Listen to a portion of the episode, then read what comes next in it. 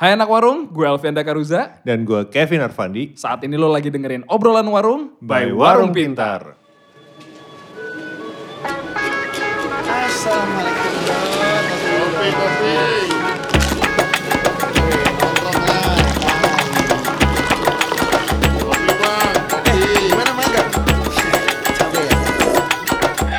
Halo anak warung, obrolan warung episode kali ini kita bakal ngomongin hal yang menjadi momok banyak orang kerja maupun kuliah, Kev. Apaan tuh?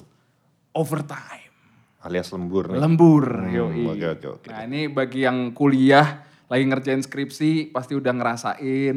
Atau yang nyambi kerja, apa yang udah kerja juga pasti udah pernah ngerasain. Tapi sebenarnya definisi lembur buat anak kuliah itu agak gak relevan sih. Bener, bener. Karena kan gak ada jam kerjanya. Ya lu seharian ngelarin. Siang main gitar. Betul gitu ya. Nah. Anyway. Nah, kali ini ngebahas lembur-lembur ini kita nggak sendiri nih, biar valid nih ya, biar ada dasarnya.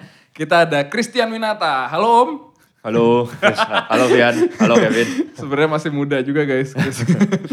Nah, dia ini adalah co-foundernya Warung Pintar atau title officialnya juga Tribe Leader. Nah, ini sebelum kita maju nih ke topik utamanya nih, Kev. Lu ngerti nggak Tribe Leader itu apa, Kev? Eh, kepala suku atau apa gitu, Vi? Nggak. Benar, nggak tahu juga sih. Gue pikir udah ada tuh title-title seperti Chris, itu. boleh nggak ceritain sedikit dulu deh. Eh, tribe leader tuh apa sebenarnya tanggung jawabnya di Warung Pintar dan kenapa ada tribe leader di dalam perusahaan? Oke, jadi eh, mungkin gue coba gambarin apa yang dimaksud dengan tribe dulu kali ya, lebih enak.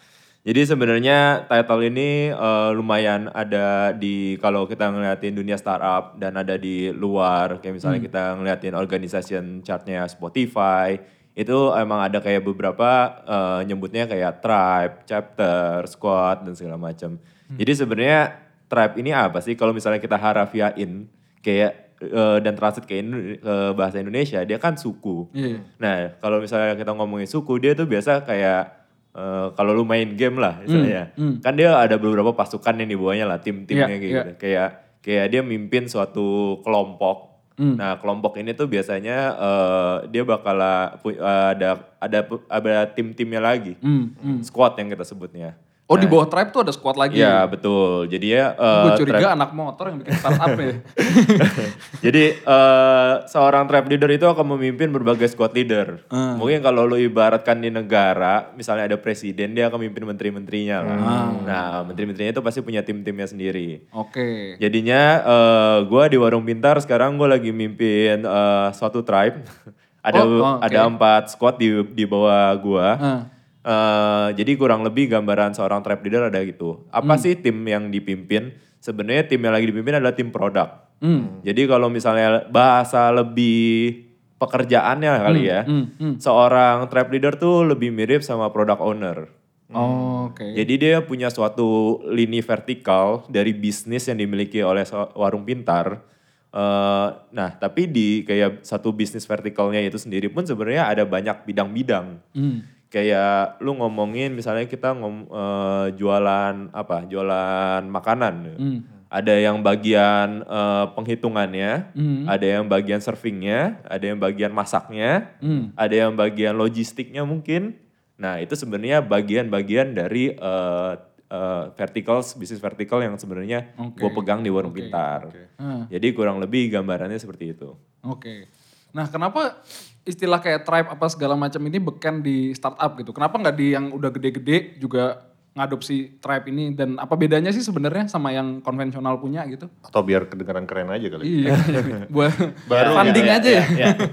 Jadi sebenarnya eh, tergantung sih yang lu masuki termasuk gede atau eh, itu gimana. Jadi eh, kalau misalnya kita emang di dunia tech startup kayak bahasa ini emang diadopt aja. Oke. Jadi terkadang ada bahasa-bahasa yang lumayan apa ya?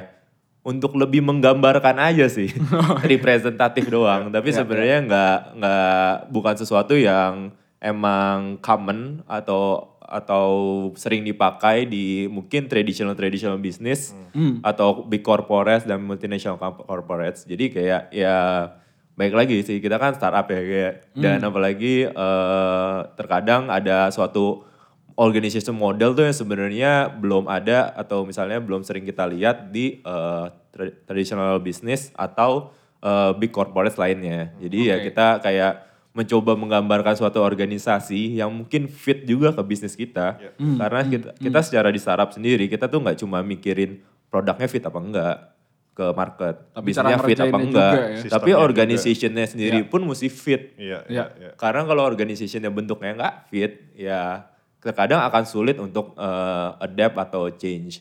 Jadi sebenarnya istilah-istilah itu terkadang emang terjadi aja sih di di dunia startup Iya. karena untuk menyesuaikan dan kadang-kadang bahasanya emang lumayan harafiah dan untuk menggambarkan itunya sih Oke, sebenarnya. oke. Nah, lu kan tribe as a tribe leader nih, lu memimpin banyak orang lah di bawah lu gitu. Berapa persen anak-anak yang eh, lu pimpin itu lembur? Hmm, oke. Jadi kalau kita mungkin set dulu kali ya Oke. definisi lembur tuh Ah, kalau menarik nih, ya. ya. Ya. Jadi kalau kita mungkin eh, set bar dulu kalau misalnya sampai eh, biasa kan kerja 9 sampai 6 lah Ah. atau 85. Nah, mungkin kita sebut lembur kalau di atas jam 6 kali ya. Oke. Kalau misalnya in terms of percentage sebenarnya mungkin hampir 90 persenan lebih kali ya. Lembur. Lembur Di semua atas tuh. jam 6 berarti ya. ya ada yang jam 6 berapa Dista atau kalau mau ketawa nggak apa-apa loh. Atau apalagi kalau lebaran gini kan, pasti banyak banget di atas jam 6. Kenapa? Karena ada buk ada ada ini apa taj- ada tajilnya. Jadi pasti nungguin tajil dulu sebelum pulang. ya eh, jadi majority emang lumayan di atas jam 6 sih pulangnya. Tapi eh, di kita sendiri pun sebenarnya kalau misalnya emang kita masuk dari part of tim product, da, kita tuh lumayan fleksibel sebenarnya, flexible working oke. hour. Sebenarnya yang kita incar itu lebih ke resultnya dan outputnya itu apa. Oke. Jadi walaupun anak-anak kayak pada pulang di atas jam 6, kayak mungkin jadi jam 8, jam 9, jam 10 dan seterusnya. Ya kalau mereka yang masuknya juga jam 9, is oke, jam 10 juga oke, jam 11 is oke. Oke. Karena eh, kita sendiri pun di tim produk eh, kita lebih ke output sih. Dan kita apa ya mungkin kita orang-orang yang mikirkan development. Hmm. Ketika lu mikirin development mungkin bukan sesuatu yang eh, teratur atau apa pun. Kayak kecuali misalnya lu emang bagian dari operasional banget. Iya. Kayak misalnya eh, customer service gitu. Nggak mungkin dia kayak j- shiftnya jam segitu dia bakalan eh, nggak ngikutin shiftnya gitu. Iya, Ya, iya, pasti iya, kan akan berantakan gitu. Sama kayak misalnya pengantaran kalau nggak ngikutin schedule-nya pasti ini. Tapi kita sebagai tim yang nge-develop kita lebih eh, Output ngacu ke gitu ya. outputnya. Sih. iya. Berarti schedule sebenarnya secara ini ya working hours sebenarnya udah nggak terlalu relevan ketika tujuannya output banget gitu ya. Yap, yap betul. Tapi balikin lagi juga sebenarnya tergantung dari culture yang mau dibuat dari suatu perusahaan itu seperti apa. Hmm. hmm. Jadi kalau misalnya emang eh, ada hal-hal yang kayak big corporate dia ngedevelop ya dia mau emang 9 sampai 6 dan mewajibkan emang masuk tab eh, tab dulu sampai jam 9 ya Iya, ada-ada iya, aja. iya, Jadi iya. sebenarnya tergantung culture yang mau dibangun juga sih menurut gua. Oke, oke. Nah, ini ngomong-ngomong 96, 96 kan sebenarnya gue pernah denger nih Jack Ma ngomong nih kan. Nih gue gua langsung quotes dari ini aja lah ya, CNBC nih. I personally think that being able to work 996 is a huge blessing. Nah, lu tim mana nih?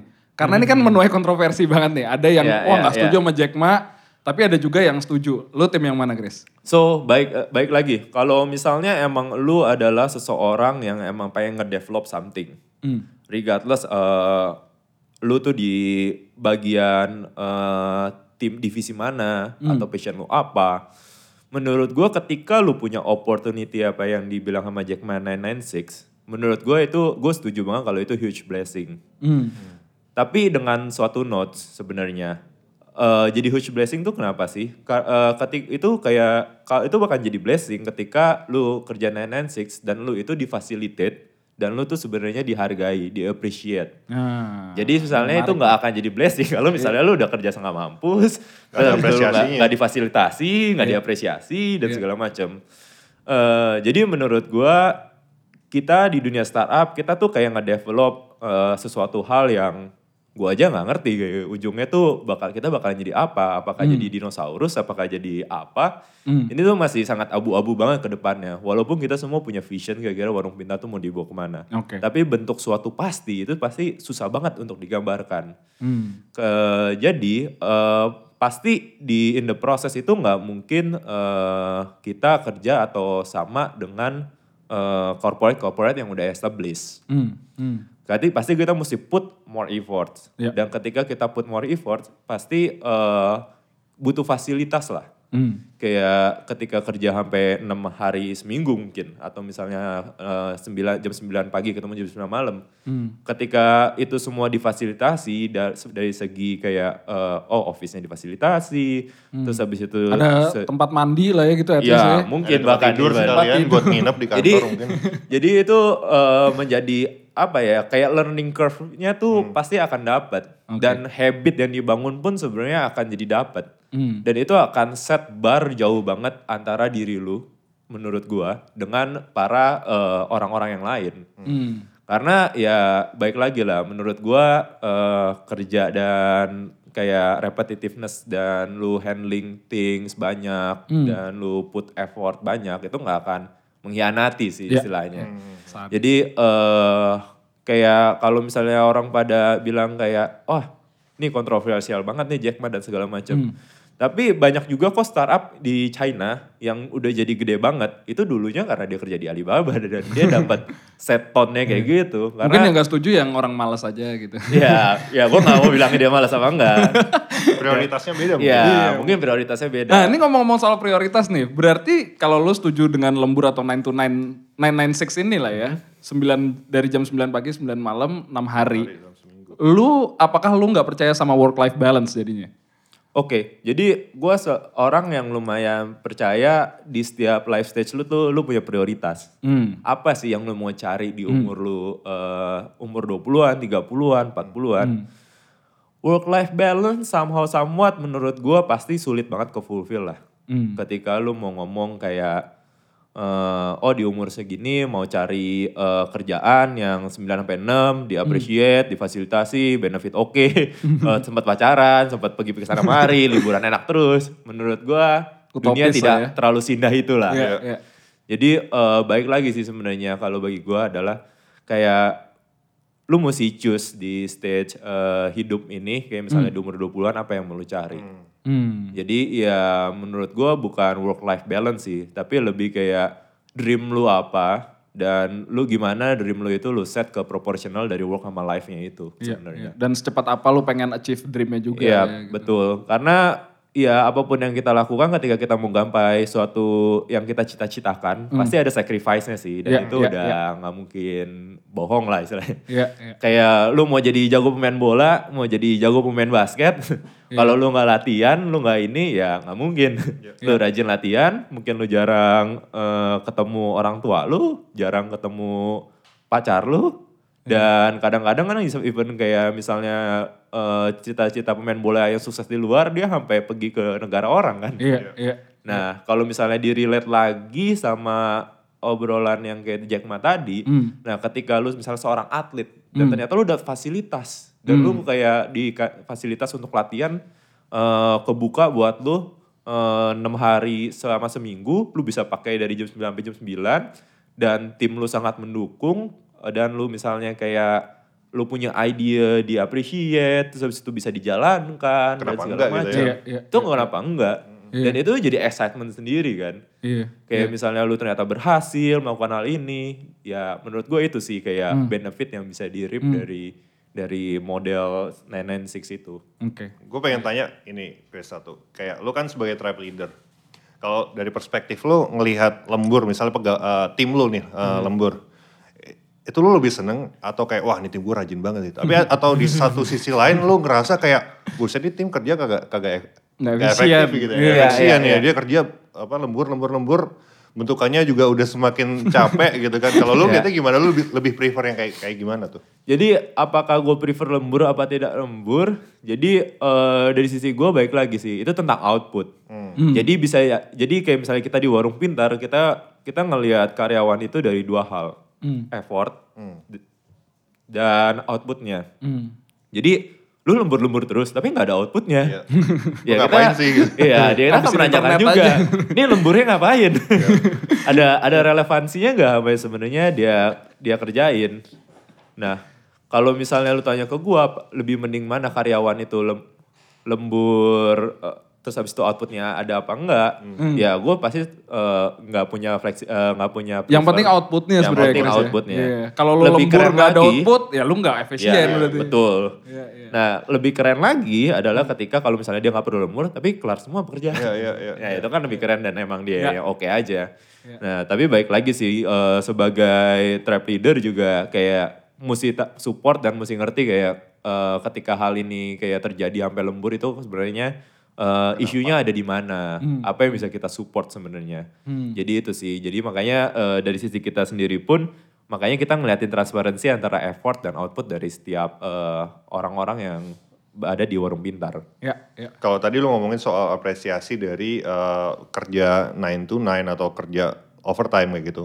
Nah di warung pintar sendiri kalau lu ngeliat timnya seperti itu sebenarnya bentuk apresiasi yang eh, kalian berikan ke tim kalian tuh apa sih? Oke, jadi ada beberapa hal sih sebenarnya yang lagi kita bangun secara development organization. Jadi eh, kita ada idea dan konsep validation. Cerita kerennya apa nih? Misalnya eh, Kevin mau bikin eh, yang lebih keren lagi dibanding mobil listrik, mau bikin mobil terbang. Dan kita setuju itu align dengan bisnis line kita. Kita nggak segan-segan untuk kayak kasih kayak, eh Vin, eh, kita gue kasih lu eh, 100 ribu US dollar lah untuk lu kembangin project ini.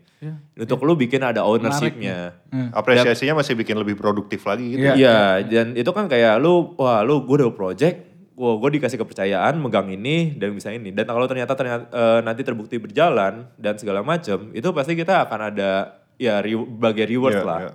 Even kayak misalnya kalau kita ada rilis eh, suatu fitur dan fitur itu ternyata sangat bermanfaat, kita ada pengukurannya lah. Iya. Kayak fitur ini manfaatnya seberapa banyak sih, seberapa berhasil sih, eh, matrix yang diangkat dari fitur ini atau apa pun yang dirilis, itu sendiri pun kita ada gamification lah. Oh, oke. Oke, kita oh berhasil nih, kita kasih mereka eh, token of appreciation yang nantinya mereka tuh bisa tukerin ke berbagai hal. Ah, kayak Bigo, Kev. Bigo Live. Kenapa referensi lu Bigo Live sih, ya misalnya kayak oh mau ditukerin eh, jadi makan-makan enak. Nah, bisa-bisa aja. Ya, ya, ya. Oh, mau Menarik ditukerin sama voucher belanja misalnya. Ya, itu satu hal yang kita develop lah dari Ya, sisi kita ya. sendiri. Dan kalau misalnya emang ternyata sangat-sangat sukses projectnya, nggak menutup kemungkinan ya dia jadi owner dari project itu untuk sampai ke depannya. Ah. Dan ketika itu ya pasti eh, title lu meningkat. Ya, ya. Lu climbing up the eh, Title ningkat, gaji ningkat nggak? Oh, ya itu pastilah. kayak maksudnya Sejalan ya, ya. Sejalan, ada, mudah-mudahan. ada pasti pasti kayak tentang compensation and benefit tuh pasti eh, follow lah. Ah, karena kita pasti mau keep eh, our Talentnya talents lah, ya. through. Ya. Dan even sampai all the way up ketika emang misalnya dia emang sangat potensial ya kenapa dia nggak jadi head atau misalnya even jadi VP atau apa pun itu sih. Ya. Jadi sebenarnya dari kita sendiri pun kita nggak terlalu ngelihat kayak oh ini pengalaman banget, oh ini apa banget. Sebenarnya itu ya cuman di awal-awal entry Iya. level doang lah. Tapi ketika lu masuk apa segala macam lu masih tetap butuh prove yourself. Idea sama implementationnya kayak Iya, gimana ya? true. Nah, ketika itu sukses, ya pasti kita akan appreciate eh, orang-orang yang kayak gitu Oke. karena ya dosa lens pasti kita mau keep dah dan pasti kita mau nurture mereka. Hmm. Nah, ini ada pertanyaan nih. Kemarin kan kita buka nih buat pertanyaan dari Instagram direct message nih ada dari Dista nih dari UI. Nah, Kak, di warung pintar ada uang lembur apa enggak? Nah, gimana tuh Chris? Ada apa enggak? Oke. Jadi untuk sampai sekarang eh, kita masih belum eh, memberikan kayak uang lembur kayak eh, soalnya masih prinsipnya kita adalah kita based on output. Ah, Jadi ketika output lu uh, kena, regardless of lu lembur atau misalnya lu bahkan lebih cepat, kita appreciation-nya dari si outputnya. Outputnya, iya, Karena benar. uh, dari sisi kita emang itu hal yang kita cari dan Iya. emang hal itu yang main kita appreciate dan yang tadi gue ceritain ke lu sih, Iya. kayak ketika output itu bisa terjadi, kita bisa kasih token kayak Benar. gamification. Nanti tokennya itu bisa dia pakai buat hal-hal yang lain. Ya. Eh, bisa buat pakai buat makan-makan, buat ngapain Iya. dan nantinya emang kalau misalnya oke ya baik lagi kayak dia bakalan bisa pegang ownership lebih daripada satu project Hmm, dan pastinya kayak compensation and benefitnya yang pasti akan kita ukur dari performance-nya. Ah, ini gue mau cerita sedikit kenapa gue lumayan setuju sama orang dinilai dari outputnya ya, bahkan lembur apa enggaknya. Ya dulu gue sempat, gue ada eh, kerja di satu perusahaan di mana uang lemburnya itu 40 ribu fix. Nah, Per Sayang apa tuh, ya, per hari. Per hari. Pokoknya sehari lu lembur lu dikasih 40 ribu. Kalau Sabtu lu masuk lu juga dapat 40 ribu Hmm. gitu. Nah yang gua dongkol dulu adalah kerjaan gua tuh cepat. Gue kerja cepat apa segala macam. Tapi yang duitnya dapat lebih banyak adalah yang lembur. Hmm. Kadang orang-orang ini juga ya udah nunggu sampai jam 7. Eh udah jam 7 nih pasti scanted gitu terus lembur. Gue tuh kesal banget karena dan sistem reimburse-nya itu juga abusable banget. Jadi Hmm. lu tinggal bawa kart apa tuh bukti stroke makan habis itu di reimburse. Iya. Akhirnya tuh nggak apa yang gue lakuin Gav. Jadi gue tuh bayar eh, ini eh, orang OB OB yang di mall untuk ngumpulin stroke seharga 40 ribu. Dengan pokoknya Pak kumpulin aja 30 eh, 30 stroke, ntar saya ganti 100 ribu. Udah. Jadi tiap bulan tuh gue nge-submit itu. Nih 40 Fiesta Stick waktu itu 40 ribu. Pas. ya udah. gue dapat gaji lebih karena gue nggak mau lembur juga. Kalau boleh tahu nama perusahaannya apaan, Vi? Oh nggak boleh. nah makanya gue setuju lah. Ya nggak sih Kev? Kayak, Ya, kalau gue apa ngeliatnya ya? gini sih, ini ada dua hal yang menurut gue cukup menarik nih, Chris. Kayak eh, ya balik-balik lagi lu lembur nggak lembur, yang lu lihat, yang kita lihat outputnya kayak gitu loh. Kalau lu lembur dan output nggak tercapai ya perlu dipertanyakan yang lu lakukan selama ini apa gitu. Tapi yang kedua yang gue paling suka di sini adalah bentuk apresiasi yang mungkin ini nggak semua perusahaan berani melakukannya kayak gitu loh. Bentuk apresiasi yang nge-trigger produktivitas juga gitu loh. Kayak nggak cuman oke lu lembur kayak tadi dikasih 40 ribu, ya akhirnya orang cuma ngejar itu gitu loh. Dan berhenti di situ gitu Iya, apresiasinya. Kalau gini gue ngelihatnya kayak bahkan eh, tim tim lu eh, punya sense of belonging yang lebih besar terhadap project-project yang mau dilakukan kayak gitu. Dan mungkin itu juga nge-trigger produktivitas yang lebih tinggi dan menguntungkan dua belah pihak nih eh, si Yang satunya grow, perusahaannya juga grow. Iya, pegawainya juga grow, perusahaannya juga eh, grow juga karena semua orangnya punya visi yang besar gitu. Iya. Jadi eh, sebenarnya ini yang gue pelajarin dari pekerjaan gue sebelumnya juga sih. Jadi dulu sebelumnya gue ada di venture capital, eh, one of the leading venture capital di Southeast Asia lah. Dan sebenarnya ada suatu hal yang sangat menarik. Kita taunya eh, oh venture capital invest di startup, Iya. invest di bisnis itu. Ternyata sebenarnya paradigma itu eh, lumayan ada perspektif lain. Ketika gue denger kita tuh nggak invest di startup dan bisnisnya, kita tuh invest di foundersnya di orangnya. Hmm. Dan itu sih sebenarnya yang kayak menurut gue sangat-sangat relevan banget. Dan eh, ketika eh, kita running suatu perusahaan juga, ya kita willing banget untuk invest di orangnya. Karena ketika kita invest di orangnya, secara nggak langsung itu akan efek, eh, akan affecting ke bisnisnya. Karena eh, menurut gue pribadi ya, kayak ini tuh kayak lumayan anak tangga sih. Kita nggak bisa, eh, oh taruh investment banyak banget, bisnis jalan lancar. Nggak bisa, bisnis itu menurut gue dijalankan oleh manusia. Manusianya. Iya. Ya, dan manusianya itu mesti dilat, mesti di groom, mesti di appreciate, mesti difasilitasi, dan mesti diberikan jalan gitu. Dan sebenarnya kita yang di perusahaan ini, ya istilahnya kita penyedia infrastruktur itu. Gitu. Iya, iya. Kayak kalau misalnya lu tanya semua orang gitu, mau bisnis gak di eh, beberapa daerah-daerah tertinggal di Indonesia gitu. Pasti angkat tangan semua.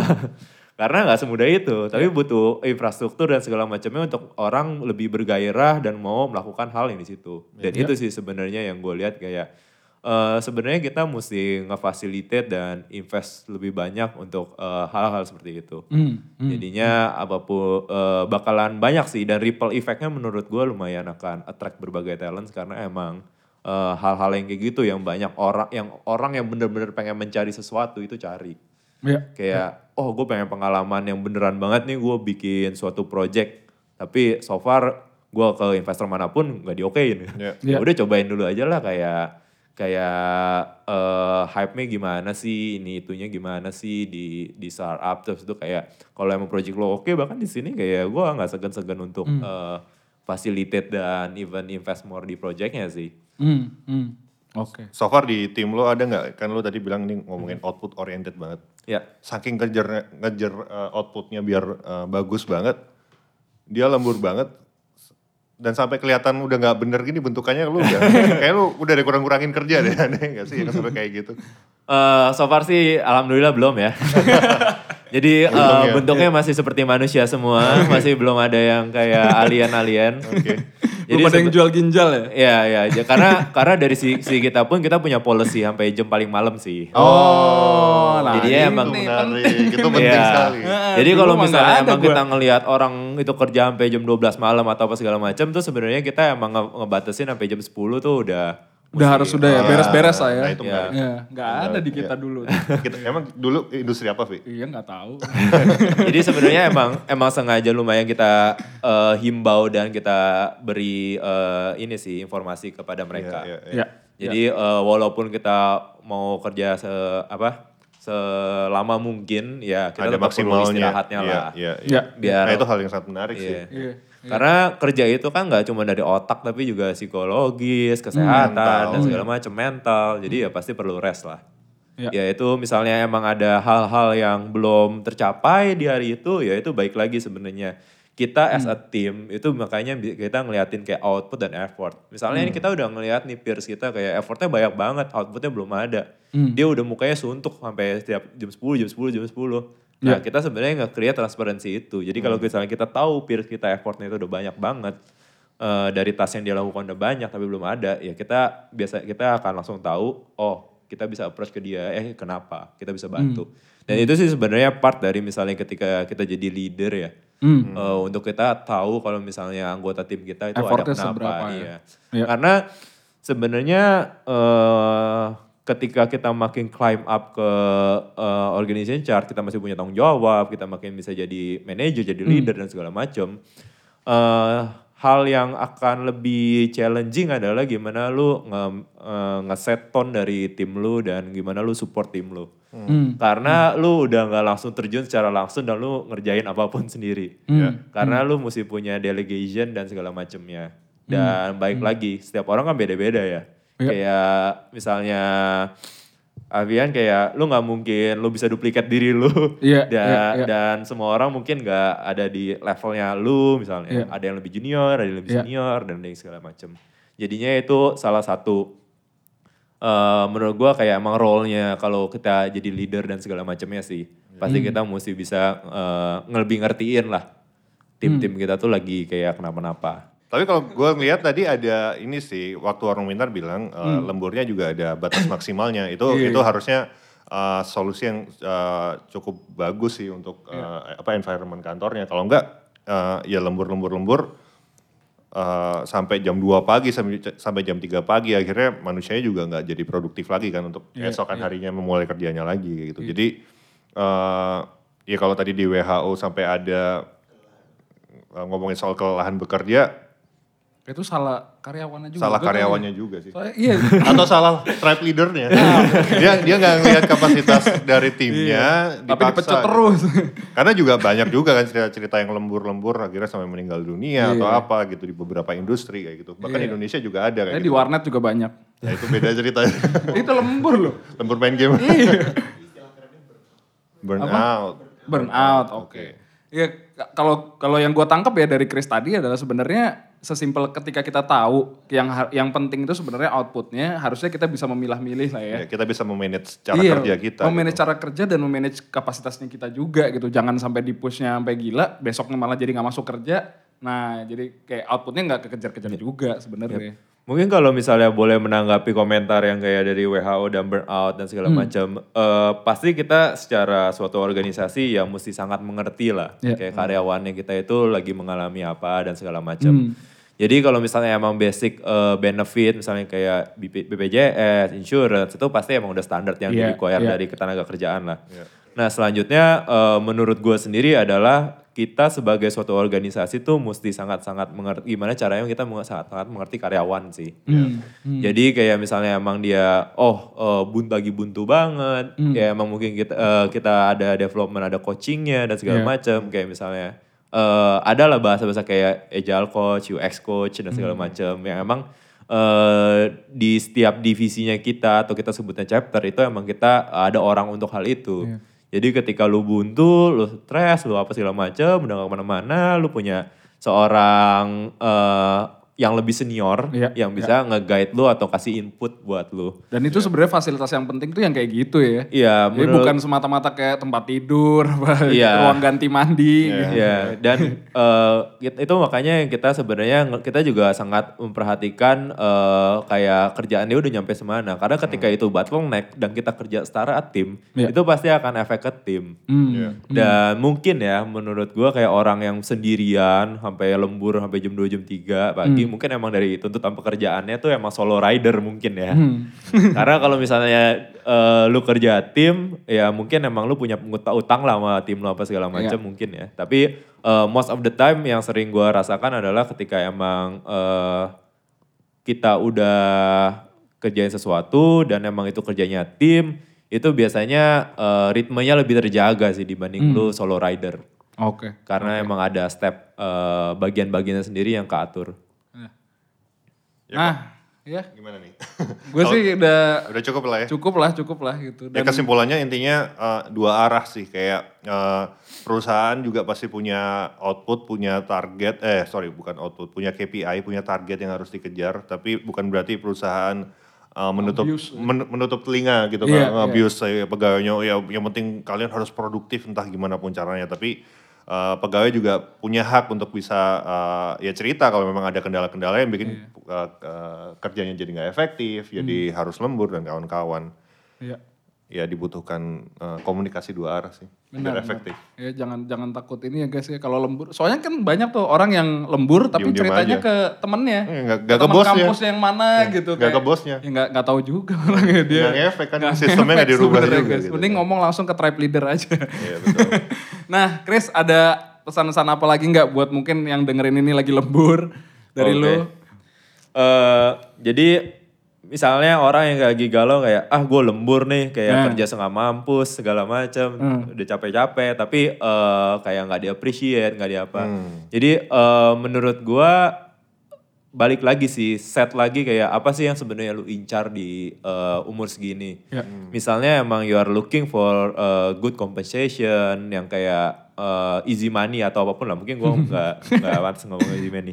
Uh, emang bayarannya oke dan segala macam tapi pengembangan dirinya kurang, atau apa ya it's a trade off dan emang kalau itu Iya. yang lu cari ya sah-sah aja dan silakan silakan Nggak saja. salah lah ya. nggak masalah kayak tapi kalau emang deep down di diri lu kayak lu udah lembur tapi nothing changes dalam berbagai hal yang lu cari kayak ah secara pemasukan sama-sama aja. Secara Ilmu pekerjaan ilmu sama-sama aja. Iya. secara environment kerja gua juga gua nggak ke support support banget. Iya, ya itu mulai mulai coba mulai evaluasi lagi sih. Sebenarnya yang dicari apa. Iya. karena ketika kita kerja kita mesti dapat sesuatu yang in returnnya apa kan Iya, iya. bisa jadi kepuasan diri lu sendiri, lu Nggak suka environmentnya apa, nggak har- lu mungkin incar benefitnya, compensation dan segala macam. Jadi kalau misalnya lu nggak merasakan berbagai hal yang lu cari dan emang itu eh, menurut gua ya balik lagi coba dipikirkan lagi. Ya, Alright. Nah, Nice. Terima kasih kalau gitu thank you banget ya Chris. Semoga episode ini bisa ngasih manfaat nih. Khususnya buat yang ngedengerin ini sambil lembur. Kita gak take ini jam 10 malam kan ini. Enggak kok, cuman jam setengah sembilan. Gue Alfianda Karuza, Gue Kevin Arfandi. Gua Christian Winata. Uh, see you next episode. See you. Thank you udah dengerin. Dan jangan lupa cek link di deskripsi podcast ini. Sampai ketemu di obrolan warung berikutnya.